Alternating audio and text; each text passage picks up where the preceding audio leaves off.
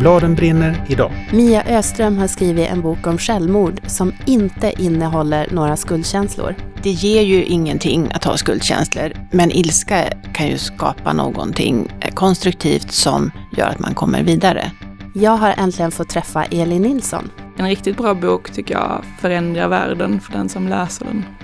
De allra starkaste läsupplevelserna som jag har haft har varit som att man läser boken och sen så tittar man upp och så har man någonting hänt.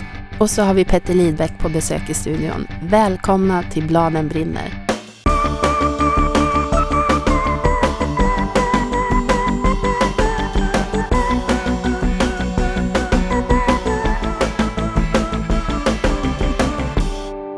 För någon vecka sedan Johanna så stod du och jag i ett hörn i en bokhandel och pratade med författaren Mårten Sandén. Och då sa han att inom en överskådlig framtid så kommer böcker säkert att skrivas av robotar. Mm. Hur känner du inför det? Först kände jag nej, det här händer ju inte. Men nu när jag tänker på det lite grann så tänker jag att det kan hända. Alltså att det kommer att bli lite enkla böcker i sådana fall. Inte den stora litteraturen, men lite basic texter. Mm. Samma Mårten har ju i den här podden sagt att han skriver för att förstå sig på människors psyken och sig själv och livet. Och, ja. att, och att, läsning liksom kan ha den funktionen också. Det känns ju inte så robot. Nej. Nu ska vi prata med helt eh, verkliga människor istället. Jag heter Lisa Bjerbo. Och jag heter Johanna Lindbäck.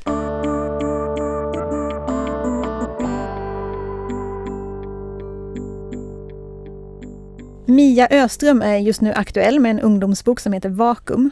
Frågar ni mig så beskriver jag den som en av de absolut bästa och starkaste böcker jag har läst på väldigt, väldigt länge. Frågar ni Mia Öström själv så beskriver hon den som en bok om tröst. Om tröst och om hopp. Den handlar om Jonna som är 16 år och går på gymnasiet.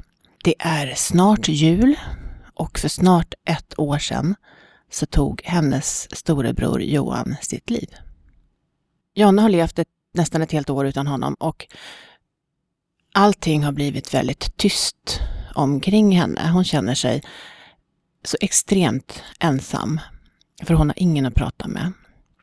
Hon kan inte prata med sina föräldrar. De är så upptagna med sin egen sorg. Och hon kan inte prata med sina vänner, för de förstår inte vad hon har varit med om och vad hon känner. Och hon kan inte prata med sin terapeut som hon har, Eh, hon, hon, hon gör mest ljud. Hon låter levande. Eh, men egentligen är hon inte här, utan hon är någon helt annanstans. Och hon upplever det så att hon befinner sig uppe i rymden, långt bort från jordens yta. Eh, jag har läst att den här boken bygger på egna erfarenheter, stämmer det? Det stämmer. Eh, min lillebror Anders eh, dog, ja, det var den 19 februari 1993. Och jag har nog skrivit på den här boken sedan dess, skulle jag säga. Jag visste bara inte att det skulle bli just den här boken. Och det tog ju väldigt lång tid innan den blev till. Jag tänkte nämligen fråga det, för att du har ju skrivit böcker innan och jag tänker att om man går och bär på den här berättelsen så undrar jag varför det har tagits, varför du har väntat så här länge. Mm. Jo, eh, och som, jag är ju en person som hanterar saker genom att skriva och att läsa också, eh, för den delen, båda delarna, väldigt mycket. Eh, läsandet ger ju tröst, för då kan man ju läsa om andra som har varit med om samma saker som man själv. Och skrivandet gör det möjligt att få syn på vad man själv tänker. Och ordna sina tankar. Eh, och eh, jag letade böcker när det hände mig. Det fanns ingenting. Jag lovar, noll. Eh, det fanns såna här mm, konstiga häftade böcker som handlade om sorgeprocesser. Ehm, men ingen gestaltning av någon som var i samma ålder som jag och som befann sig där jag befann mig. Så jag började skriva själv och ja, jag skrev väl dikter och sånt som jag inte visade för en enda människa. Och sen gick tiden och det blev svårare och svårare att skriva och det kändes helt omöjligt. För jag ville ju vara en skrivande person. Så jag skrev andra saker. Men jag ville på något sätt inte det kändes som att jag på något sätt drog nytta av det som hade hänt mig. Det kändes så eh, etiskt fel att skriva om någonting som låg mig så nära och om min lillebror. För att på något sätt få någonting utgivet. Så det, det kändes som att nej men det här kan jag faktiskt inte, kan jag inte göra, utan då skrev jag andra berättelser istället. Sen gick det ännu flera år och jag eh, hade en förläggare och pratade med henne om det här och jag sa att jag vill så väldigt gärna skriva om den här, eh, det här temat. Och hon sa, nej, jag tror inte det. Jag tror inte att det är så många som är intresserade av att... När var det här? Det här var kanske, ja, fem år sedan. Jag tror att det är för svårt, sa hon. Eh, jag tror att många är rädda för att läsa om det här. Då hade jag tänkt att skriva för vuxna. Eh, eftersom jag själv var vuxen då. Eh, och alltså då, då la jag ner det igen. Men den, boken fanns ju fortfarande inuti mig och jag tänker att det helt enkelt var så här att det tog lång tid därför att jag inte kunde skriva den när jag själv behövde tröst. Utan jag kunde skriva den först när jag skrev den för någon annan. Och när jag väl hade kommit på det och kände mig, inte färdig med sorgen, för det blir man aldrig, men att jag faktiskt eh, klarade av att skriva om det här på ett sätt som inte handlade om mig, utan det handlade om att distansera sig själv och skriva en annan berättelse som inte handlade om mig, som inte handlade om min lillebror, men som ändå eh, där jag kunde sila mina erfarenheter i. Och då kom den här berättelsen till mig och den, den eh, kom som en bild. Jag såg en gul post-it-lapp. Och så tänkte jag att vad fint det vore om man kunde prata med någon som inte längre finns. Och så började jag där och sen kom berättelsen ganska snabbt. Jag skrev den bara på några månader.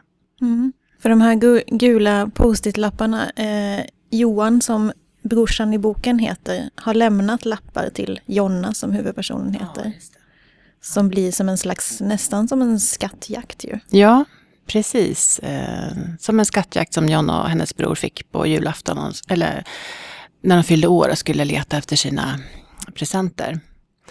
Och den här skattjakten eh, kan man ju tolka på olika sätt.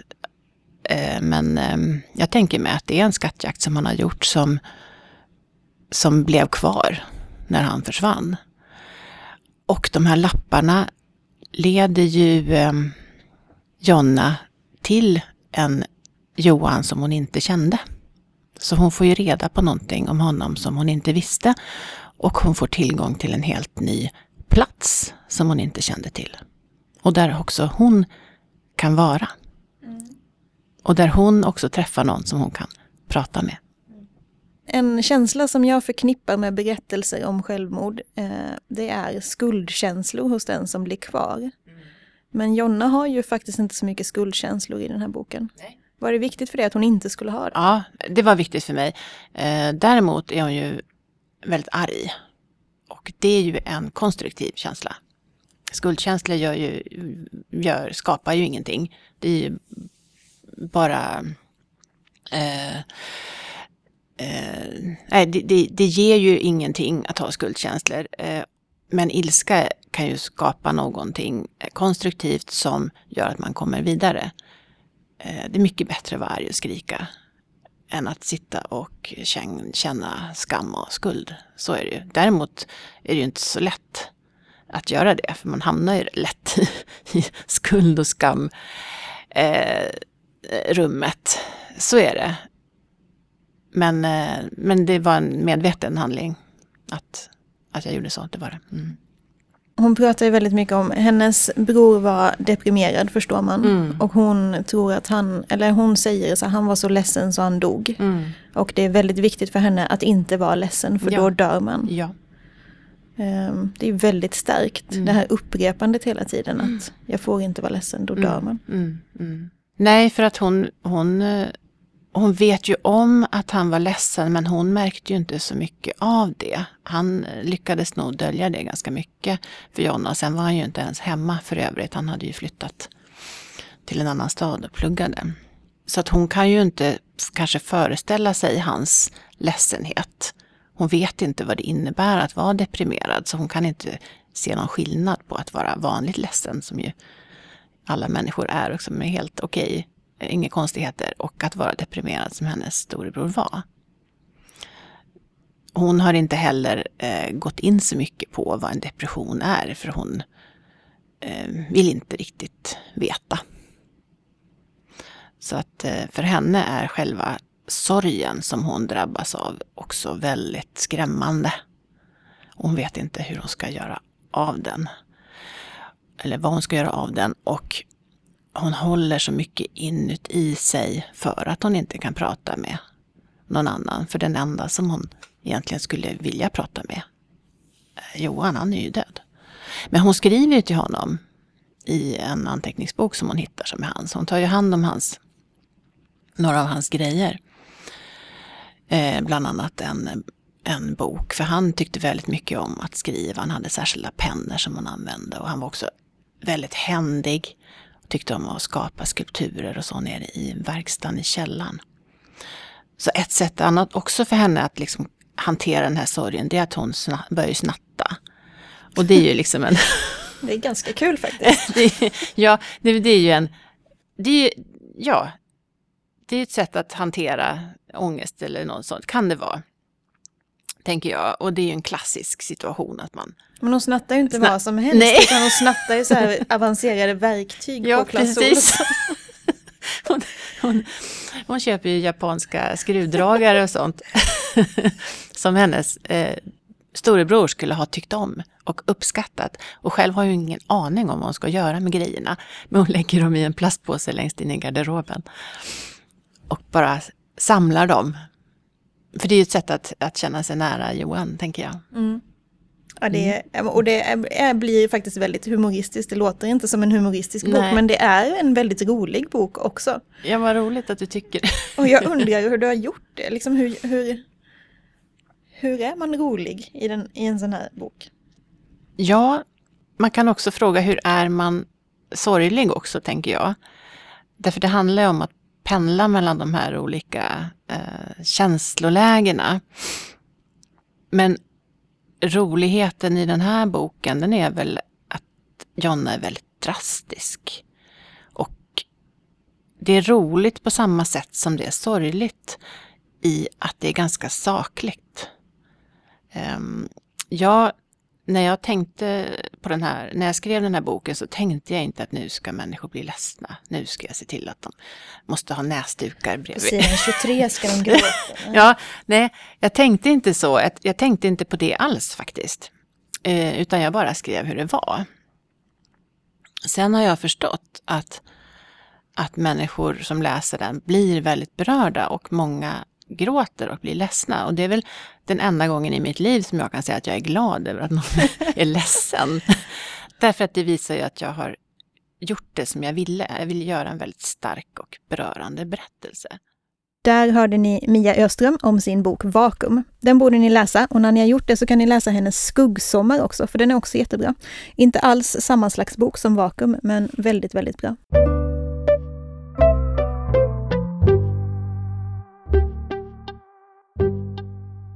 För några avsnitt sen tipsade vi om Mördarmormor av Petter Lidbeck och då sa vi att vi var så avundsjuka på hans stil. Den var så effektiv.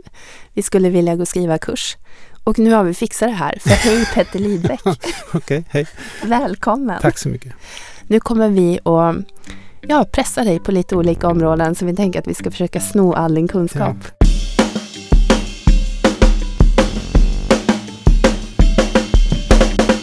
Bladen brinner, snor andras knep. Idag med Petter Lidbeck. Nu har vi koncentrerat oss på tre punkter som vi tycker att Petter Lidbeck är speciellt bra på och som vi vill gå igenom med honom. Det blir som en speedskrivskola med en av Sveriges populäraste författare. Nummer ett. Skriva kort och koncist. Jag skriver kort mest tror jag för att jag själv var en väldigt dålig läsare. Och när man är en dålig läsare så läser man ju ofta ganska långsamt och väldigt uppmärksamt. Så att på sätt och vis blir man ju en sämre läsare ju mer erfaren man blir. Att man, man slarvar och Så, men jag skriver för den jag själv var, alltså väldigt långsam. Och då ville man att det skulle hända saker hela tiden. Och sen hade jag en lärare som alltid sa att hälften så långt var dubbelt så bra. Istället för de här lärarna som alltid säger att de ska känna efter hur det smakar och luktar och så vidare. Ja. Och, och det, väder och kläder och allt sånt där, det är ofta ganska ointressant. För det, det enda som man egentligen aldrig hoppar över det är ju dialoger och vad folk gör, alltså rena beskrivningar. Men, men hur folk ser ut och sånt där, det gör man ju sig själv en starkare bild av ju mindre man, ju mindre man utvecklar, tycker jag. Jag vet inte. Det Petter Lidbeck gör är att skala av och redigera sina egna ord. Det finns ingen som egentligen kan skriva, säger han. Ingen. Men man kan lära sig att redigera sina värdelösa försök till att skriva. Och just när man ser att en formulering är dålig eller att den inte funkar, då ofta är det lättare att bara stryka och stryka hela stycken. Och ju, ju, ju mindre bokstäver det är, desto mindre är risken att det ska bli fel på något sätt. Och sen, men det viktigaste av allt är att man har väldigt duktiga redaktörer.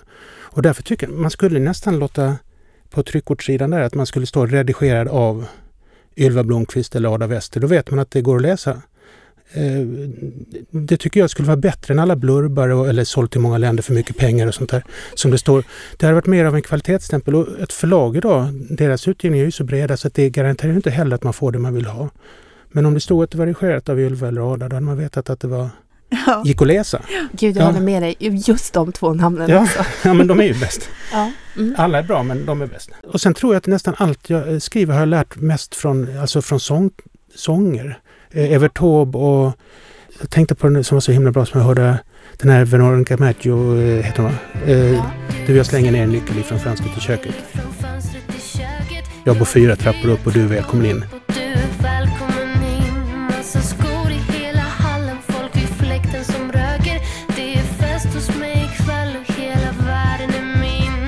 Bättre än så kan det inte bli. Det är bara pang på. Alla känner igen den här exakt den scenen. Hur man varit hemma på någon stökig kul fest där alla är glada. Ja, men det är så begåvat så det... Ja. Och de är ju väldigt korta. Det här, har vi, här har vi en nyckel Johanna. Vi ska skriva mer som en låttext. Och, så, och mycket över Taube och mycket Allan Edwall och, och Cornelis. Ja, de är bäst, tycker jag. Just för att de, är så, de måste berätta mycket på kort tid. Eh, det var roligt för min, min gamla lärare sa också att, eh, att får man inte sagt vad man ska på 200 sidor så kan man lika gärna hålla käften. Och det var väldigt kul sagt och så lite pubertalt som tilltalade en när man gick på gymnasiet. Men då så, när jag skrivit första boken, det var en vuxenbok, så var den på 175 så skickade jag den till honom och så skrev jag att jag klarar mig i alla fall under 200. Och då fick jag tillbaka att ja men nu är jag gammal och har höjt kraven till max 100 sidor. det tyckte jag var jättebra. Nummer två att skriva bra dialog. Dialog är kul för där kan det aldrig, man kan ju aldrig driva handlingen framåt så snabbt som i dialog. För det behöver inte, vara, det behöver inte följa ett kronologiskt mönster utan man, man känner igen infall och så vidare. Och där är det väl också så att man lyssnar mycket eh, att man kan stryka väldigt många ord. Man, man säger inte... Eh, eh, man kan säga käften istället för håll käften. Alltså det, man kan närma sig det talspråkliga utan att det blir konstigt. Jag tror att, men det, det som är Elmar Leonard har ju de bästa skrivtipsen. Han har ju tio skrivtips. Mm -hmm. eh, och det är ju bland annat det man aldrig får använda andra anföringsverben sa.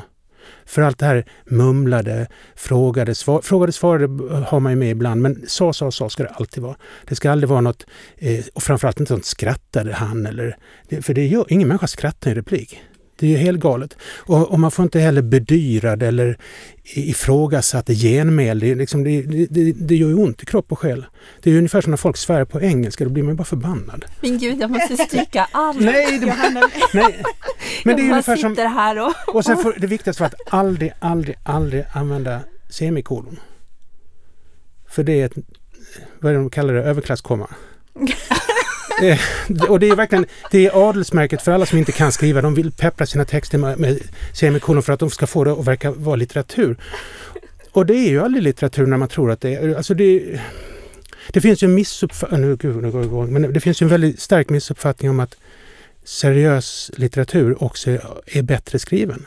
Och det är inte så, det är snarare tvärtom. Seriös litteratur är ofta väldigt tillkrånglad, det är omvänd ordföljd, det är i försök att vara konstnärligt så blir det bara tramsigt. Och det, de bästa stilisterna har, hittar man faktiskt bland underhållningsförfattarna.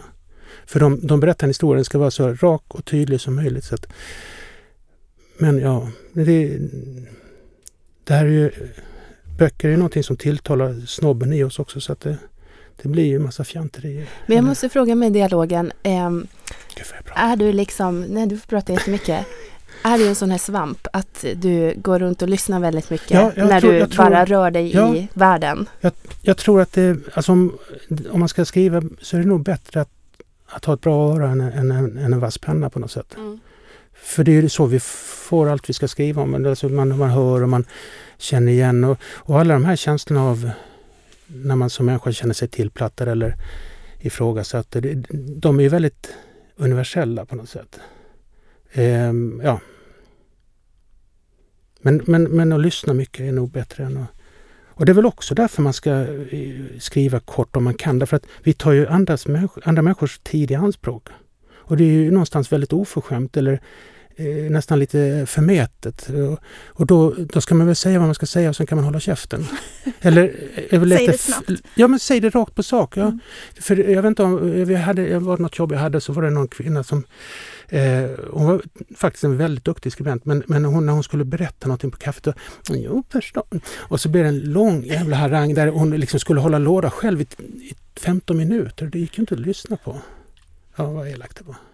Men de här, och det är också en väldigt viktig regel tror jag det här med att man aldrig ska ha några adverb som far åt helvete sa han argt till exempel. Det, får man, det är idiotiskt att ha det. Mm, för att det vet man redan. Ja, det säger vet man. Det ska, och det ska även framgå hur folk ser ut i vad de säger. För att eh, vet man att någon är, tar lite för givet, ja men då har de en hög social position, är väldigt vackra eller väldigt rika. Alltså, man, man hör det där i replikerna hur folk, hur de ser ut. Mm.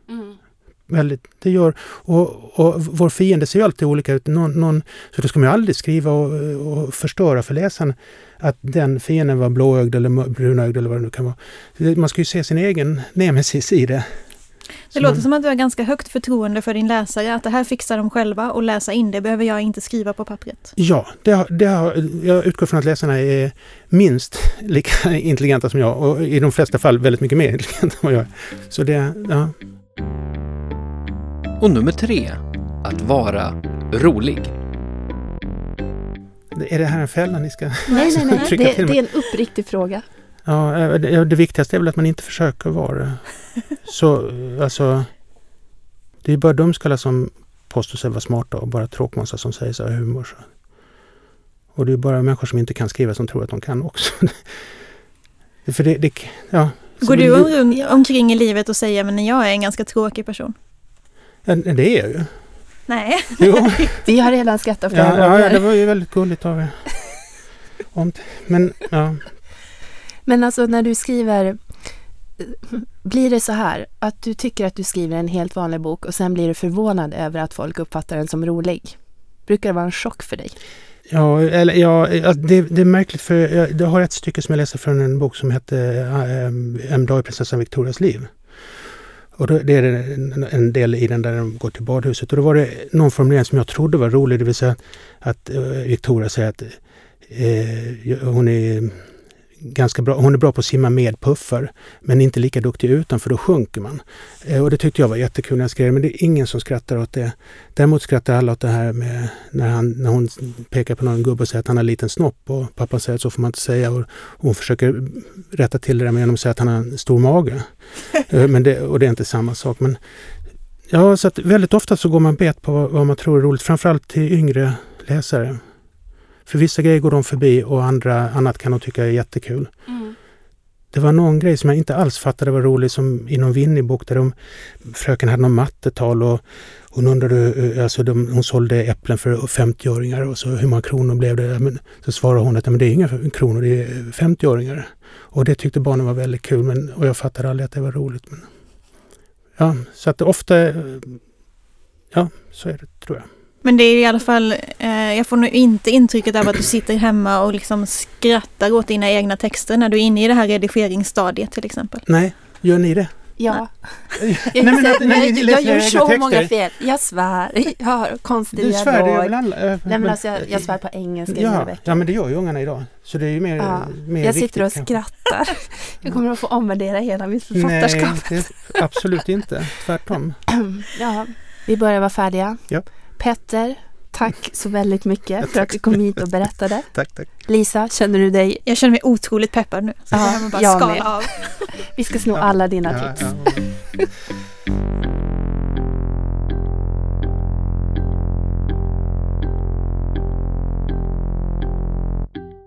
Ja, jag heter Elin. Eh, Jag är 31 år gammal. Jag bor i Lund.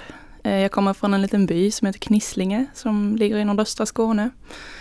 Eh, Jag är lärare, gymnasielärare, svenska och svenska som andraspråk. Och så skriver jag. Denna Elin heter Nilsson i efternamn och det hon skriver är ju böcker.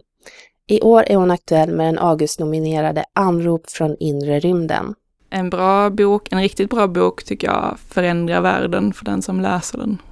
De allra starkaste läsupplevelserna som jag har haft har varit som att man läser boken och sen så tittar man upp och så har man någonting hänt i ens syn på världen. Sen finns det ju jättemycket böcker som är bra på olika sätt. Eh, men jag tycker att en, en bra bok ska vara skarp i sin blick på människor. Att man ska se någonting hos människor som man kanske inte skulle se annars. För mig handlar det mycket om att ta plats på något sätt.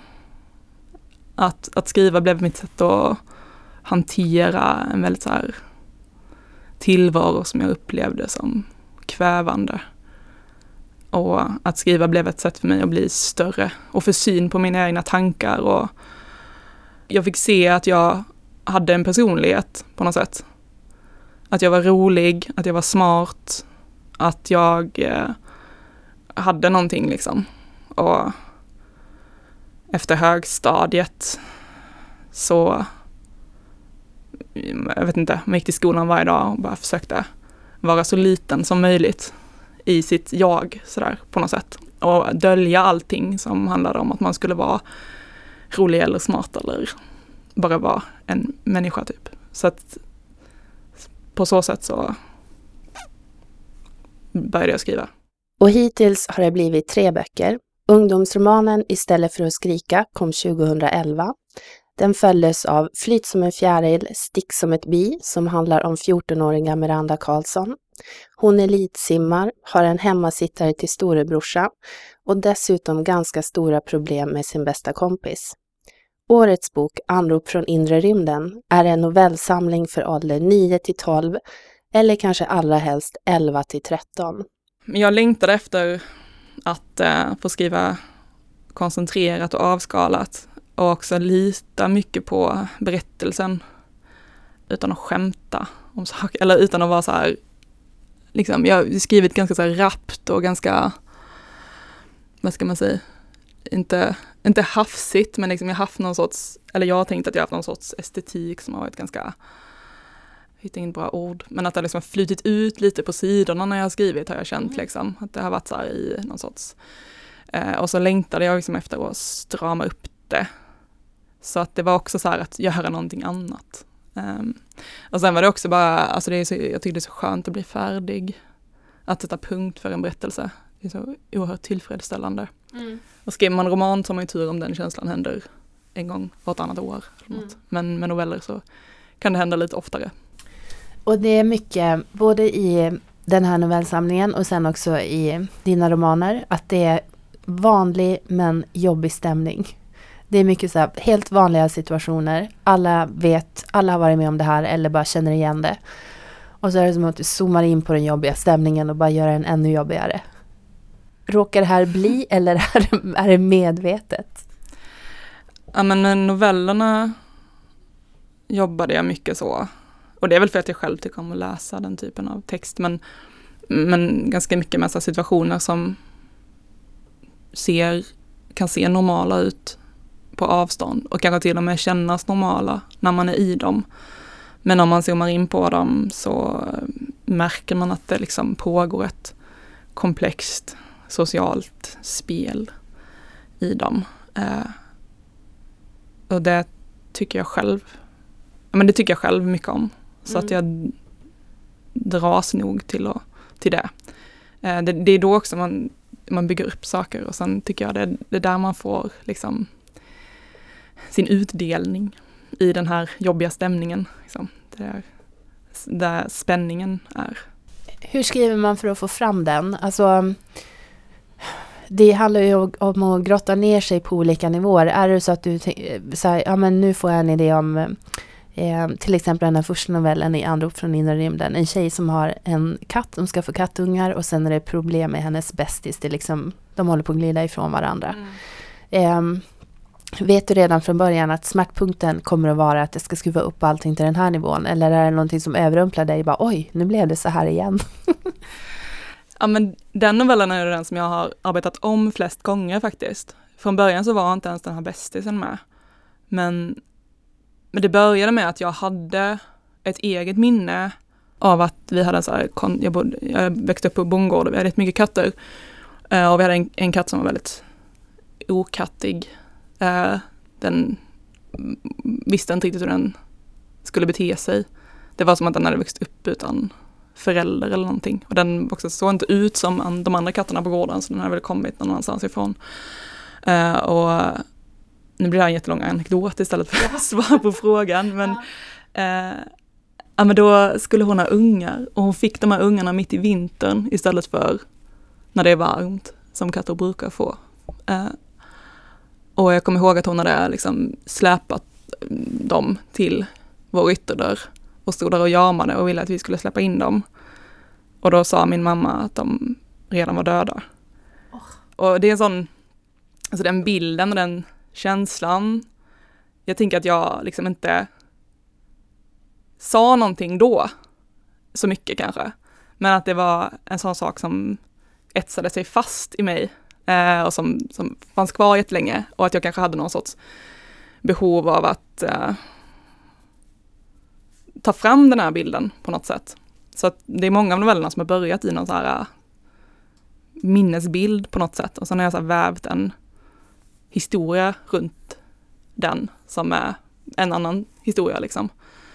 Um, men uh, nästan allt annat har vuxit fram under tiden jag har skrivit tror jag.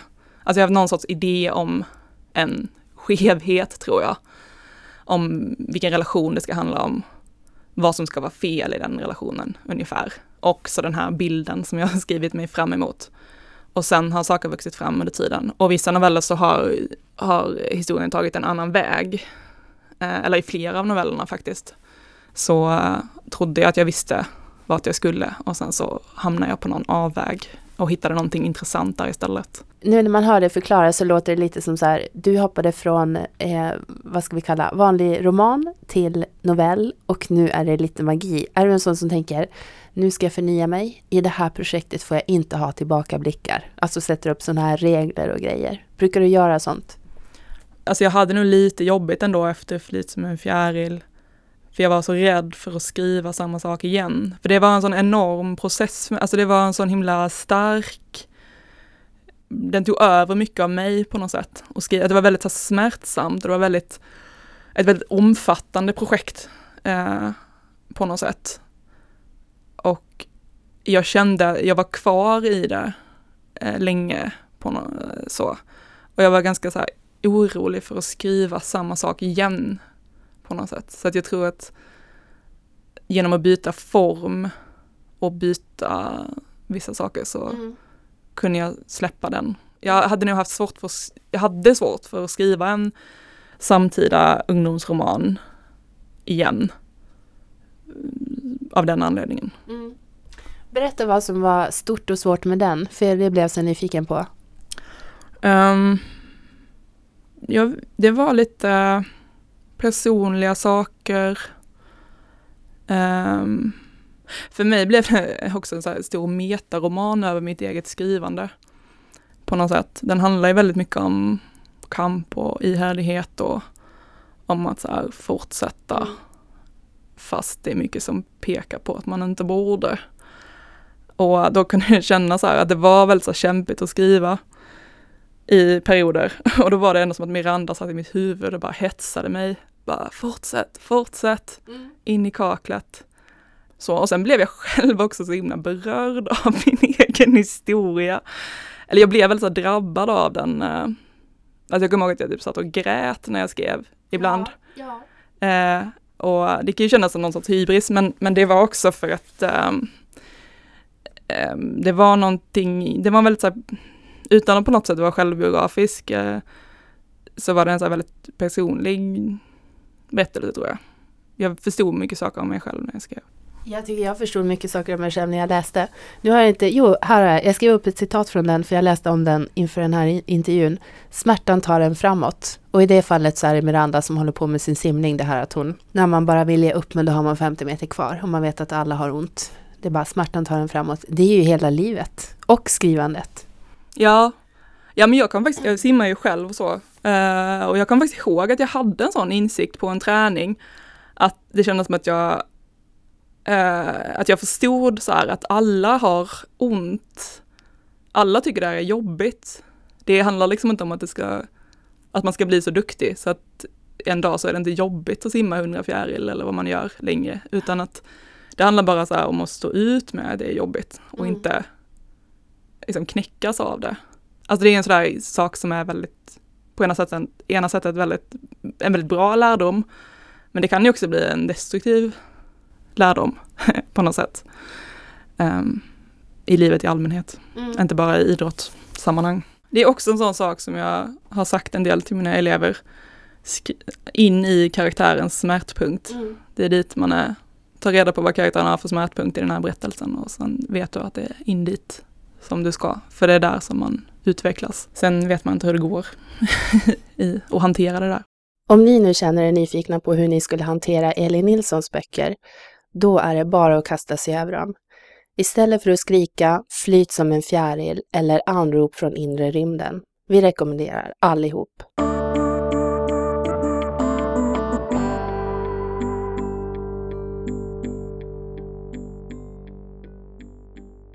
Då kör vi boktips. Vet du, den här boken hade jag tänkt ha. Du tog min titel, men kör du, varsågod Lisa. Jag kör mitt boktips och jag skulle idag vilja tipsa om en bilderbok som heter Samtidigt som, som är gjord av Lisen Adbåge. Och den är så himla enkel i sitt koncept men jag tycker att den är också helt otroligt ögonöppnande, även för mig som 37-åring när jag läser. Den, texten är jättekort och den är rimmad och då kan det låta till exempel så här.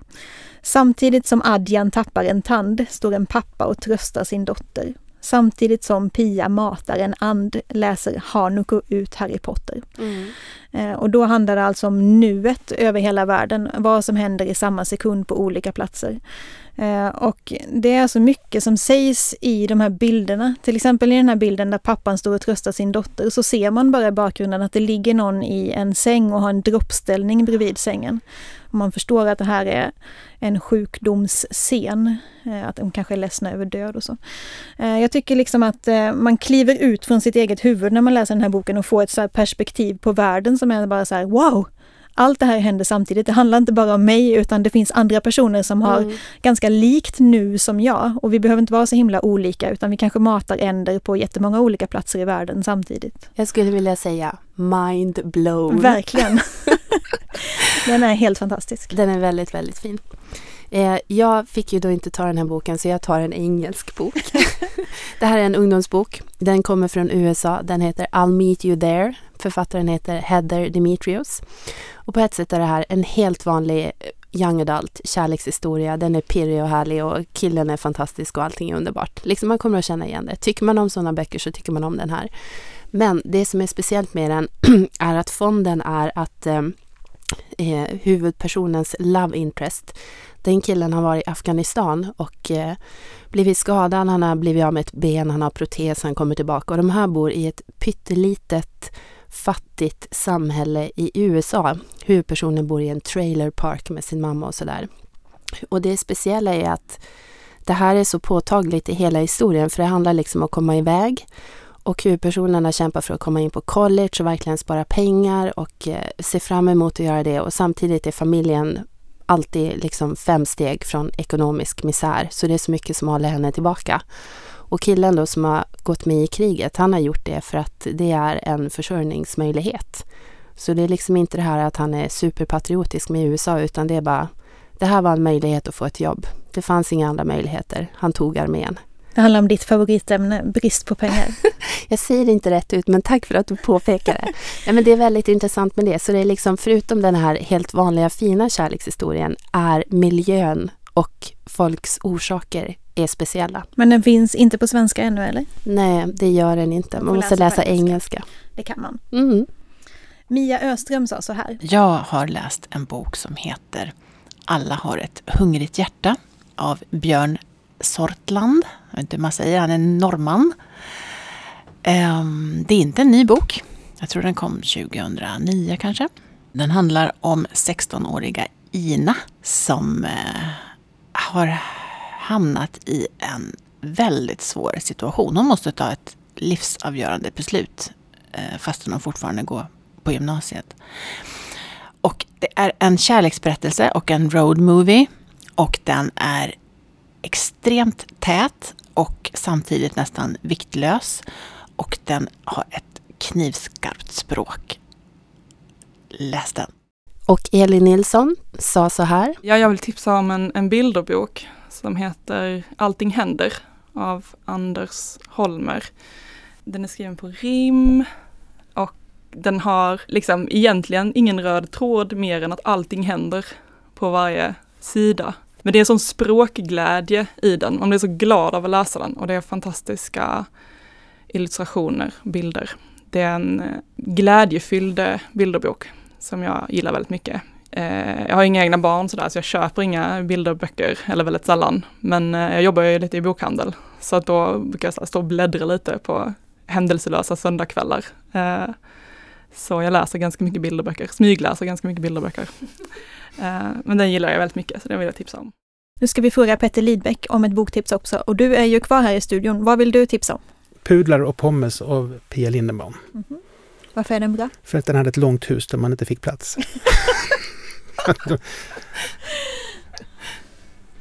Mer behövs inte. Nej, den var, den var lite... Hon är så bra. Nästa avsnitt blir årets sista Bladen brinner. Då ska vi prata om kvalitet Bladen brinner görs i samarbete med Dieselverkstadens bibliotek. och en lång rad bokförlag som heter Rabén och Sjögren, Bonnier Carlsen, Alfabeta, Opal, Lilla Piratförlaget, B. Wahlströms, Bergs Bokförlag, Nypon förlag och Natur och kultur. Puh! Tack alla ni! Tack också Gustav Edman på Fabel som har producerat och Håkan Lidbo som har skrivit musiken.